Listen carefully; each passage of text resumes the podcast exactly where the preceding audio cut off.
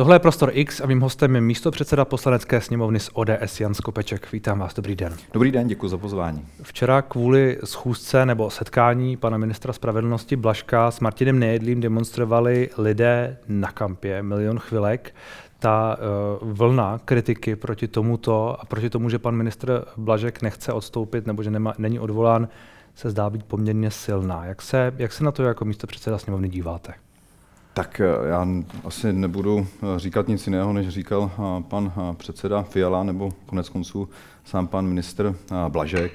Ta schůzka nebyla šťastná jakkoliv si myslím, že nic kontroverzního na ní neproběhlo. To si myslím, že kdyby oba protagonisté chtěli něco v uvozokách nekalého domluvat, tak se určitě nebudou scházet na veřejném místě. Nicméně z hlediska té symboliky, a to myslím, že správně včera pan minister Balžek popsal, to prostě politická chyba byla, která ho stojí jistou míru politického kapitálu a v tomto smyslu to byla chyba. Nicméně ta míra reakce ze strany médií a veřejnosti překvapila i mě. Asi ta míra symbolismu je větší, než bych, než bych očekával. Na stěn druhé, myslím si, že ta reakce byla poměrně jasná, jak ze strany pana premiéra, tak ze strany pana ministra. Konec konců docela oceňuji na panu ministrovi i to, že se těm kritikům a těm, kteří se u úřadu vlády na protest proti té schůzce sešli, nevyhýbal, šel za nimi, chtěl jim to vysvětlit, chtěl se jim asi omluvit a tu vinu uznat, jako to udělal v vyjádření, které rozeslal médiím, ale nicméně neměl šanci na té na té demonstraci vystoupit, což je mi také trošku prapodivné a úplně to o nějaké dobré atmosféře v té společnosti nesvědčí, protože ačkoliv můžeme mít na kohokoliv různý názor, ačkoliv každý z nás můžeme udělat jakoukoliv chybu, tak mít možnost se k té chybě vyjádřit a mít možnost mluvit ke svým kritikům je přece nějaké základní pravidlo, které bychom ctít měli. Oni ti organizátoři říkali, že už je další výmluvy nezajímají a protože oni demonstrovali pro odvolání, respektive rezignaci pana ministra Blaška, tak je zajímalo spíš to, než eh, to, co vnímali ze strany pana Blaška, jako, jako tedy výmluvé, tak o tu, o tu komunikaci typu uh, pršelo, takže jsem nemohl odejít, takže jsem seděl s Martinem Nejedlým u stolu. Celá ta vlastně komunikace asi byla, a vy jste to sám přiznal, že prostě byla jako špatná. Hmm. A, a zároveň, když říkáte, že na jednu stranu uh, reakce médií vás překvapila, tak ale zároveň asi chápete, že Martin Nejedlý jako člověk, který měl prostě Putina na telefonu a byl údajně bezpečnostní hrozba i podle vašich spolustraníků a kolegů z vlády. A vy si jistě pamatujete na billboard předloňských uh, sněmovních voleb, kde byl Putin vedle, vedle uh, pana uh, tehdejšího premiéra Babiše jako hrozba. Tak že prostě tahle symbolika, když najednou jsou dva lidé v družném hovoru, Eh, že vás to prostě diskredituje, diskredituje do jisté míry jakoby celou vládu. Vy jste řekl, že část kapitálu ztratil pan Blažek, ale možná, že to ztratila do jisté míry celá vláda. A jestli pak není na místě tedy, eh, aby on nesetrvával na tom postu, na kterém je. Eh, ale já s tím nějakým způsobem nepolemizuju v tom smyslu, eh, že bych to nějakým způsobem eh, chtěl zlehčovat nebo říkal, že to není problém. Souhlasím i s tím, že ta prvotní komunikace nebyla nejlepší. Na straně druhé, když si přečtete to vyjádření pana ministra ze včerejška a to, že prostě šel k těm demonstrantům vstříc, a tak si myslím, že to nějakou míru jeho komunikace nebo snahy uznat chybu a omluvit se vyjadřuje. No pokud, je, pokud, mě, je, pokud je na tu komunikaci ještě někdo zvědavý z jeho strany. Tak já si myslím, že ve chvíli, kdy někdo žádá ulice ještě k tomu hlavu ministra spravedlnosti, a tak žijeme-li v nějaké standardní normální společnosti, ve které ještě existuje nějaká míra dialogu, tak minimálně tomu, koho vyzývám k odstoupení z vlády, alespoň vyslechnu. Nemusím s ním souhlasit, nemusím změnit názor na tu danou věc, můžu požadovat no. stále to odvolání, ale abych přišel na demonstraci, která je proti mně a neměl na ní šanci vystoupit, a to mně nepřijde úplně mm, jako zvládnutí a pochopení demokratických pravidel a pravidel svobodné ne, společnosti. Možná jo, ale to, co jsem říkal já, je, jestli z vašeho pohledu, a, a chápu, že mi asi řeknete, že ne, nicméně ta, ta úvaha tady taková je a ta, ta, ta myšlenka padá. Jestli prostě se trvání pana Blaška s tímhle uh, politickým kapitálem, který má v té vládě, prostě pro tu vládu není v celku zásadní celku zásadní problém, protože uh, ostatně to není první a jediná kauza, která se okolo pana Blaška uh, objevovala. Je tam celá ta uh, brněnská větev, řekněme, kdy naposledy se objevily informace o tom, že uh, paní primátorka Vaňková má jak, jakési uh, podivné čachry zbyty, údajně to vyšetřují uh, policejní složky. Je toho, je toho vlastně víc, je to, je to zároveň pan Blažek nebyl obviněn a tak dále, samozřejmě. Na druhou stranu, uh, když si to člověk možná sečte a pak vidí ho s tím nejedlým, tak si řekne, uh, jestli to je úplně šťastné, vy řeknete nepochybně, že ne, a pak jestli má setrvávat v té vládě. Šťastné to není, to znovu potvrzuji, chyba to byla, to také potvrzuji, omluva za ní přišla, to potvrzuji. Jestli má pan ministr Blažek odstoupit, já si to nemyslím, protože pan ministr Belžek, já ho považuji za jednoho z nejlepších eh, ministrů vlády, co se týče obsahu toho, co dělá. Možná ta vnější forma, ta symbolika není jeho nejsilnější stránka a já ho opravdu považuji za schopného ministra spravedlnosti, který jako jeden z mála nepodléhá některým složkám, které ministerstvo spravedlnosti má na starosti. Myslím si, že to je autonomní eh, minister spravedlnosti a v tomto smyslu považuji jeho setrvání za pozitivní, pozitivní věc. To, že, to, že podobné věci nepřidávají pozitivnímu obrazu jak jeho, ale tím pádem i celé vlády, to je zřejmě jasné. Myslím si, že on si to dobře uvědomuje a že si to dobře uvědomuje, ukázal i včera při těch svých mediálních vystoupeních. No mediální vystoupení jsou jedna věc, na druhou stranu vy mluvíte, mluvíte o symbolice a marketingu, ale já nevím, jestli tím trošku nesnižujete možná důležitost toho všeho pro část lidí, protože přece tahle vláda nastupovala s tím, že to bude dělat jinak, změna, budeme to dělat líp a tak dále. Tyhle ty všechny proklamace i morální. I pamatujeme si, jak řada představitelů této vlády a možná i vy jste mluvili eh, v souvislosti s minulým eh, premiérem, s panem Babišem, s Marí Benešovou, eh, s těmito všemi věcmi. Jestli vlastně pak se člověk na to nedívá a ne, není trochu v deziluzi, řekněme, protože vlastně chápu, že ne všichni, ale do jisté míry to může prostě pokračovat tak, jak to bylo. Tak já si nemyslím, že byť je to nešťastná kauza, nešťastná situace, nešťastné eh, vysvětlování, eh, aspoň v tom prvopočátku, že by tato schůzka nějakým způsobem byla dominantním obrazem toho, jak ta vláda funguje. To si opravdu nemyslím. Myslím si, že ta vláda, když se na ní podíváme a na její výkon objektivně, tak můžeme být k něčemu více kritičtí, něčemu méně, něco, za něco tu vládu můžeme chválit, ale to, že by výkon té vlády zastínila, zastínila schůzka Pavla Blaška s panem Nédlim, to si skutečně nemyslím. Jde o to, jestli si to budou myslet voliči. A jde o to, do jaké míry se vám to bude to určitě, vracet v těch příštích dvou, to, dvou letech při každé zmínce toho, že Andrej Babiš se potká s Viktorem Orbánem nebo s kýmkoliv, což prostě ta kritika tady v těch posledních dnech zaznívala i, nevím, od paní Pekrové, Adamové a tak dále, tak pak může kdokoliv přijít a říct, no ale pan Víte, já úplně si nemyslím, že politika a diplomacie má být o tom, že lidé spolu nebudou komunikovat, přesto že mají názor na politiku, na řadu i podstatných věcí jiný. V tomto smyslu narážím na ty vaše slova o tom, jestli je dobré, že se někdo schází s Viktorem Orbánem.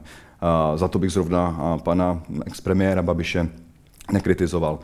Pan premiér Orbán je demokraticky zvoleným premiérem Maďarska a představa, že se s ním politici nebudou scházet, je Ale pro mě to byl, absurdní. jenom, to byl jenom příklad těch věcí, kde se to argumentačně dá použít, případně proti této vládě je je, je jako nespočet. A je, mě to je vlastně jedno, jde spíš o to, jestli, jak, vy, jak vy se na to díváte, jestli, jestli z vašeho pohledu, a chápu, že asi ne, to prostě není pro tu vládu ta zátěž, která i vzhledem k tomu, že teď nedávno vyšel průzkum CVVM, podle kterého má eh, tato vláda důvěru jen nějakých 20 něco procent a je to neúplně rekordní, ale jedna z rekordních nízkých z rekordně nízkých hmm. důvěr, hmm.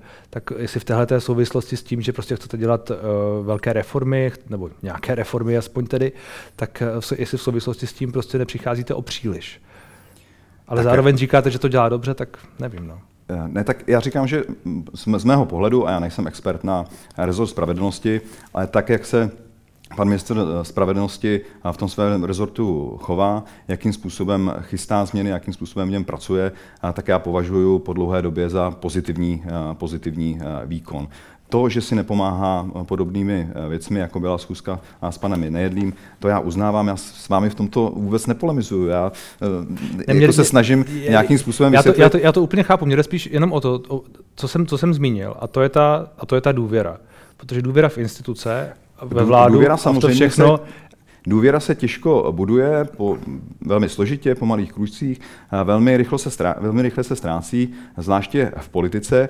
Takže ano, já souhlasím s váma, vůbec s tím nepolemizuju, nemám jiný názor než vy, nepomáhá to ani panu ministrovi Blaškovi, nepomáhá to ani vládě. Na straně druhé, ta nízká míra důvěry, a vy jste citoval průzkum CVVM, co se týče důvěryhodnosti vlády, podle mého názoru souvisí s tím, že prostě vláda na jedné straně vládne v poměrně složitých eh, podmínkách, nastupovala v době, eh, v době začínající války na Ukrajině, eh, na začátku energetické krize, přišla obrovská nebo rostoucí míra, míra inflace. To jsou všechno věci, které samozřejmě té vládě nepomáhají. Navíc tato vláda se po dlouhých letech rozhodla k celé řadě neúplně na první pohled populárních změn. Změn v důchodovém systému, budeme schvalovat konsolidační balíček, celá řada věcí, kde prostě někomu sáhneme, sáhneme na peníze, na daně, na to, co ze strany státu dostává.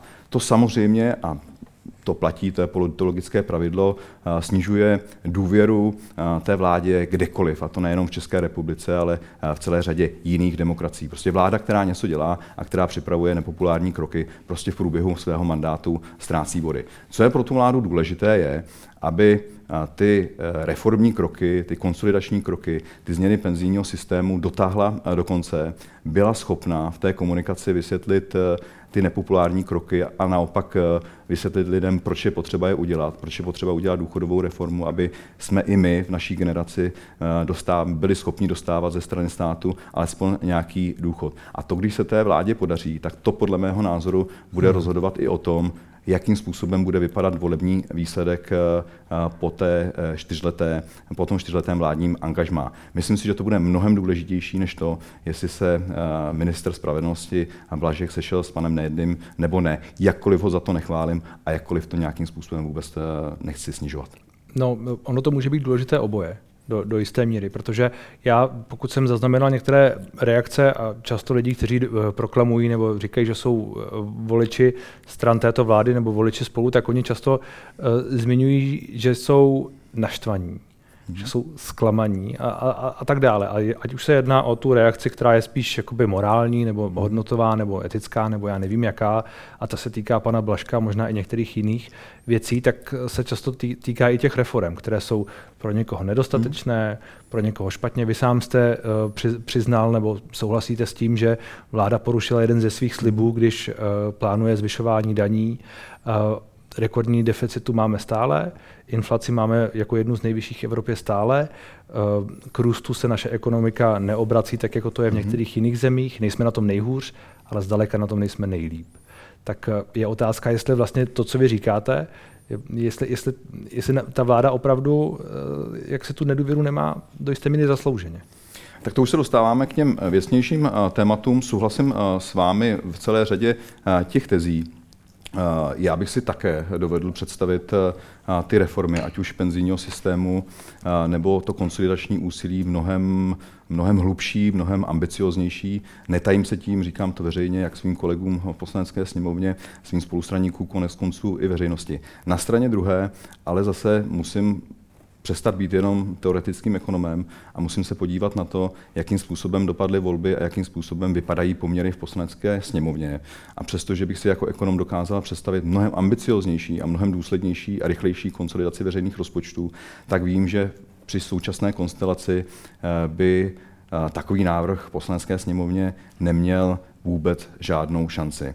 A v tomto smyslu, i když ty návrhy třeba nepovažuji za stoprocentní a dokonalé, tak jsou po mnoha letech, vlastně po osmi letech eh, předchozích vlád, které s veřejnými financemi nebo s penzijním systémem nedělali vůbec nic, nebo to naopak zhoršovali, tak po dlouhých letech se tato vláda odhodala sice k nedokonalým, ale potřebným reformám, které změní tu trajektorii jak eh, veřejných financí, tak penzijního systému. V tomto smyslu ano, jak říkám, já bych si to teoreticky dokázal představit eh, mnohem razantnější, ale na straně druhé, když se podívám eh, na to, jak vypadá poslanecká sněmovna a poměry v ní, tak jsem přesvědčen, že to je kompromis, pro který ještě mohu zvednout ruku a je to kompromis, který podle mého názoru tu situaci výrazně zlepší. Hmm. A, a ještě se jednou vrátím k těm byť jsme už v té faktické rovině, řekněme. Ale zároveň pro část lidí je nepochybně důležité to, že uh, se obávají toho, že se tady vrací něco jako stará ODS, jestli, jestli mi rozumíte. Možná je to taková ta ODS, která je zatížená uh, dalíky, byť to Polánek by jistě nesouhlasil, ale symbolicky to tak je. A, a takovým tím klientelismem, který jakoby trochu, za, když uh, jednáte někde s někým, a teď nejde ani o, o ministra Blaška, jo? je to takový ten jakoby, jakoby pocit, pocit z, té, z, té, z té politiky, která najednou je jakoby uh, někde, někde schovaná uh, v temnu, řekněme. Není, není tohle něco, co budete muset taky nějakým způsobem vyvracet? A souvisí to i s tou, i s tou brněnskou částí, protože tam těch věcí je několik a vím, že tam znovu není tam někdo pravomocně odsouzen. Na druhou stranu ta obvinění se objevují a nejsou vždycky úplně jako Víte, vágní. Eh, já jsem v ODS poměrně dlouho v nějaké vyšší uh, politické pozici a pár let a já za sebe mohu říci, že jsem nikdy ke svému eh, politickému působení eh, nepotřeboval žádné lobbysty, politické prostředníky, kmotry nebo něco, něco takového. Takže já za sebe mohu říci, že se s takovými lidmi nepotkávám, pokud to není nějaké náhodné setkání někde. Nevyhledávám Na pět hodin v taverně. Ne, ne, nevyhledá, nevy, nevyhledávám je nevyhledávám je a nepotřebuju je ke eh, svému politickému, ke své politické, eh, ke své politické profesi. A když se dívám na své eh, kolegy ve vládě, tak tam nevidím nic, co bych, s čím bych měl problém z nějakého morálního hlediska. Nevidím tam žádné šíbry, šíbry které by kolem nich běhaly a snažili se získat něco z toho, že ODS v současné době vládne. A, takže já ten pocit eh, z té ODSky takový, jak eh, vy se tady snažíte říci, nemám, a nevidím kolem nás motry, ale znovu politická strana, a to platí pro jakoukoliv stranu, tak podívejme se, jaké problémy měl stan s dozimetrem, podívejme se, jaké měly problémy vnutí ANO v, eh, v ČSSD. Prostě politická strana je se skupení často mnoha tisíc lidí.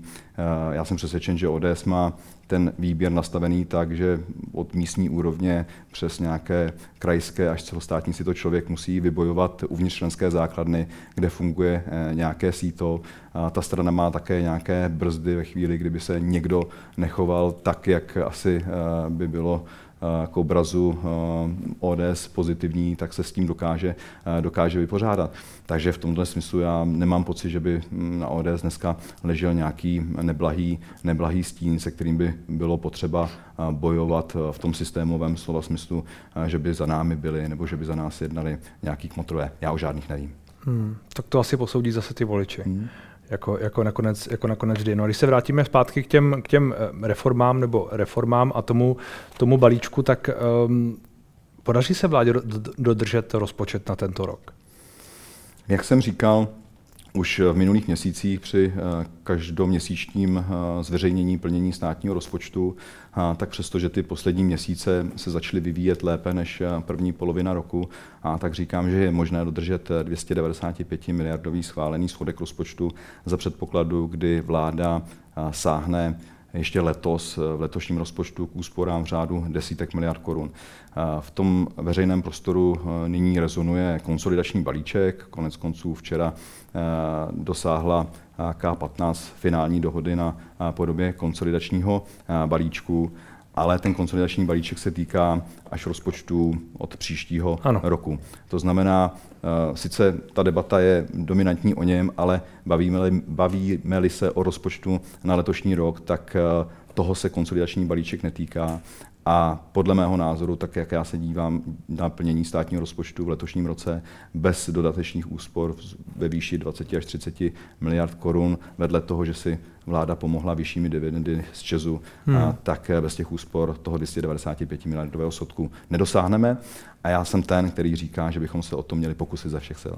No a pokusíte se o to, nebo máte ty signály od eh, ministra financí Zbyňka Stanjury, když eh, s ním diskutujete, protože s ním jistě diskutujete, tak eh, přijdou, přijdou tyhle ty škrty, nebo tohle já pevně, já pevně, doufám, já pevně doufám, že ano, ale na obranu pana ministra financí vždycky dodávám to, že minister financí není ten, kdo má za celou vládu šetřit a že on sám to nezvládne bez jednak podpory samozřejmě premiéra, který musí tlačit celou vládu k tomu, že na těch úsporách musí spolupracovat, ale každý jednotlivý minister prostě v té své kapitole musí hledat dodatečné úspory, které musí ministru financí přinést. Minister financí není kouzelník, který bez toho, aniž by se za ten cíl nebo těm dalším úsporám přihlásili další členové vlády, tak on to sám prostě nezvládne. Takže je potřeba, aby vláda pochopila, že i 295 miliardový schodek, kdyby se ho podařilo dosáhnout, hmm. že to není žádný dramatický úspěch, že to není na bouchání šampaňského, že to je prostě hodně vysoký schodek, který musí přece ta vláda chtít redukovat a že ho nemůže redukovat tím, že se řekne, tak na letošní rozpočet my se vykašleme, necháme ho svému osudu a budeme šetřit až od toho dalšího roku. To bychom se dostali no ke stejné situaci příštím roce. Teď... Takže já panu ministrovi financí držím palce v tom smyslu, aby měl ve vládě v oporu ve všech svých kolezích, které, které vládu tvoří. Když se tady teď zároveň v souvislosti s tím, jak na tom jsou finance letos i příští rok a kdykoliv jindy, mluví o tom, že vláda chce nakupovat jednak plynové zásobníky a druhá údajně i Net for Gas, což je rozvodová síť plynová, která je v tuhle chvíli tedy z velké části prázdná a je otázka, do jaké míry tahle investice je rozumná. Tak z vašeho pohledu je na místě dát desítky miliard za něco, co je otázka, jestli potřebuje tato vláda nebo tento stát? To je otázka spíš na experty z energetického sektoru. Dobře si pamatujeme tu velmi nervózní dobu v předchozí zimě, kdy hmm. jsme netušili a opozice No, a ani jedna z těch dvou věcí, které zmiňuji, úplně nevyřeší energetickou situaci České republiky, nebo jako nějak výrazně nepomůže. No tak... Ty zásobníky možná, ale to net, ta je to věc. Uh, takhle, všichni si pamatujeme na velmi nervózní uh, situaci uh, před, uh, před zimou, kterou jsme zažili, debatu o tom, jestli bude nebo nebude dostatek plynu. Já jsem přesvědčený, že a vláda to i v té době řekla, že chce mít větší roli v energetickém sektoru. Ten plyn byl pro nás poměrně citlivou položkou na rozdíl od celé řady energetických komodit. Ta závislost na Rusku byla opravdu velmi, velmi vysoká. A v tomto smyslu chápu vládu, že právě v oblasti plynu chce tu větší stabilitu v oblasti těch zásobníků získat. Konec konců i v, tom, i v těch předcházejících měsících přece celá řada jednání směřovala i k tomu, aby jsme zajistili dostatečné kapacity na skapalněný plyn v řadě, v řadě evropských přístavů. To znamená, že v tomto smyslu, ačkoliv nejsem energetický expert, ale nedokážu vám teď procentuálně říci, co, jak velký je to posun k energetické hmm. bezpečnosti, to, že nakoupíme no, protože zásobníky oni, oni jsou tu, oni jsou tu názory, oni jsou tu názory, oni jsou tu názory, že to není žádný žádný posud. Podle mých informací ty zásobníky dokážou zajistit 35% roční spotřeby, spotřeby plynu. Otázka je samozřejmě dostupnost té, té komodity ale byť jsem eh, liberální ekonom a byť si myslím, že stát by měl toho vlastnit eh, co nejméně, tak ve chvíli, kdy eh, český stát vaří pivo a vlastní pivovar, tak debata o tom, jestli má vlastnit nějakou energetickou infrastrukturu, je pro hmm. mě o level přijatelnější. No, tak byste možná měli prodat ten Budvar, ne? Nebo... to si myslím, že o to se pokoušela celá řada předcházejících vlád a že to nevedlo úplně k úspěchu a nemyslím si, že no, by proto, že by proto byla nějaká politická většina. Ale já jsem tím nechtěl, nechtěl otevřít otázku privatizace Budvaru Chraň Bůh. Já jsem tím chtěl říct, že, že podle mého názoru by stát skutečně měl v té ekonomice zasahovat co nejméně, měl toho vlastnit co nejméně, ale hmm. pokud se bavíme o energetické infrastruktuře, tak tam je to vlastnictví ze strany státu podle mě opodstatněné. No, ve všech oblastech, za všech okolností, což tady, o tom ta diskuze právě, oblastech, já chápu, že, já chápu, že tohle není vaše expertíza nutně, ale nicméně přece eh, do, to, do jaké míry třeba zrovna Net for Gas hraje nebo nehraje roli v tom, a velmi ztrátový net for gas mimochodem. Eh, je, ta diskuze je, je úplně relevantní, ne? Jako, ne určitě, není to tak, že bychom ne, měli koupit všechno, ne, protože ne. tím nějakým způsobem můžete tát to, to, to vůbec neříkám, to si myslím, že taky ta vláda musí eh, velmi vysvětlit, za jakou cenu to hmm. kupuje ve chvíli, eh, kdy ten podnik je, je ztrátový, kolik to taky ten stát bude stát na provozu a, a, a investicích, ale pokud nějakým způsobem chceme zvyšovat energetickou bezpečnost v České republice, tak jsem přesvědčen, že mít větší vliv na sítě, kterými, hmm. kterými ty energetické komodity do České republiky dopravujeme, asi není cesta proti energetické bezpečnosti, ale je to cesta směrem k energetické bezpečnosti. O tom, o tom jsem přesvědčen, ale nejsem schopen, nejsem schopen, protože jsem neviděl data o hospodaření těch společností, eh, které, hmm. které tu infrastrukturu vlastnili, tak vám teď nejsem schopen říct, za jakou cenu by to vláda měla kupovat eh, a v jakém horizontu a, a s, jakými, s jakými podmínkami. Ale obecně si myslím, že energetika je dneska vlastně ze strany občanů i firm chápána jako něco, co je trošku veřejným statkem, co má stát zajistit. Nicméně, abych to třeba převedl i na jiný příklad, na firmu ČES, byla debata o tom, jestli má proběhnout e, ze státnění e, hmm. společnosti. A ta debata se stále vede. A ta, a ta debata se e, stále vede. Na tom vám ukážu, že nejsem žádným zastáncem 100% vlastnictví státu. Tam si třeba myslím, že otázka minoritních vlastníků je relevantní v tom smyslu, že jsem přesvědčen, že ti minoritní privátní vlastníci jsou takovou pojistkou proti tomu, aby se z toho podniku stal takový ten státní moloch, hmm. kde si budou politici přihrávat členství v dozorčích radách a kde ten podnik postupem času, tak jak je ten stát samozřejmě směrem k těm svým podnikům mnohem méně efektivní, mnohem více pomalejší. Takže ti, že ti minoritní akcionáři tam jsou takovými těmi dravými štikami, který nutí management té společnosti a které nutí ten stát, aby se z toho ten ten moloch, který bude zahnívat, nestal. Proto já si třeba ale nemyslím, tady, že není tady... nezbytně nutný pro to, abychom řešili, uh, řešili nějakým způsobem ceny energií, já aby byl čas 100% státní. Pardon. No ale tady už je přece možná rozhodnuto, ne? že k tomu ze státní dojde. Já nevím, jestli, že já nevím, jestli je... Vláda, vláda je na té trajektorii, která dříve nebo později k tomu ze státní vede a, a podle některých uh, analytiků těch trhů se už dělají kroky a hýbe se tam akciemi a tak podobně, byť to jsou jako takové analýzy ale se, se už dělají kroky pro to, aby k tomu zestátnění došlo. Já úplně tu informaci nemám a to vám žádným způsobem nelžu. Kdybych ji měl, tak bych ji tady ani nechtěl komentovat, protože jakékoliv takové vyjádření hmm. zahýbe cenami akcí a myslím si, že politici by v tomto měli být eh, velmi opatrní. Viděli jsme to i v těch předcházejících hmm. měsících, že to často nevedlo eh, na burze úplně k nejlepšímu,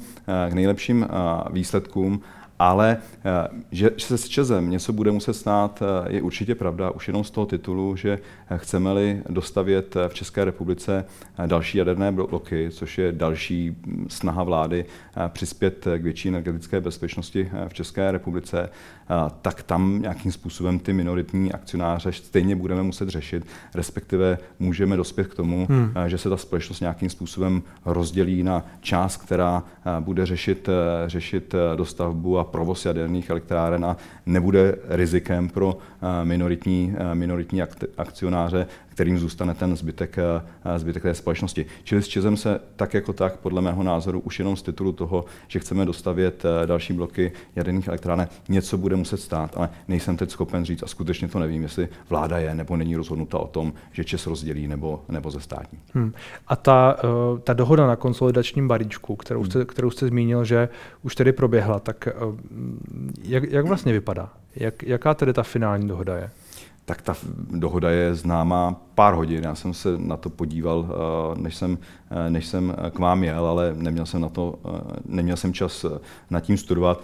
Pro mě je tam nejdůležitější jedna zásadní věc, a sice to, že přestože k některým úpravám toho konsolidačního balíčku došlo, třeba i na základě dohody mezi odbory a zaměstnavateli, tak výsledná bilance toho balíčku zůstává stejná.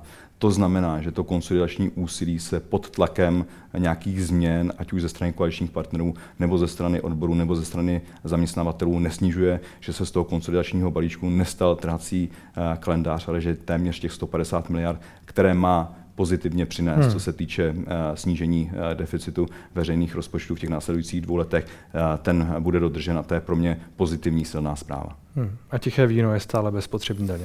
Tiché víno je stále, je, zůstává stále s nulovou spotřební daní, ale dobře víte, že jsem nepatřil mezi ty, kteří by o to usilovali hmm. a že to nepovažuji za úplně racionální, zrovna tuto část za racionální bod toho samotného balíčku.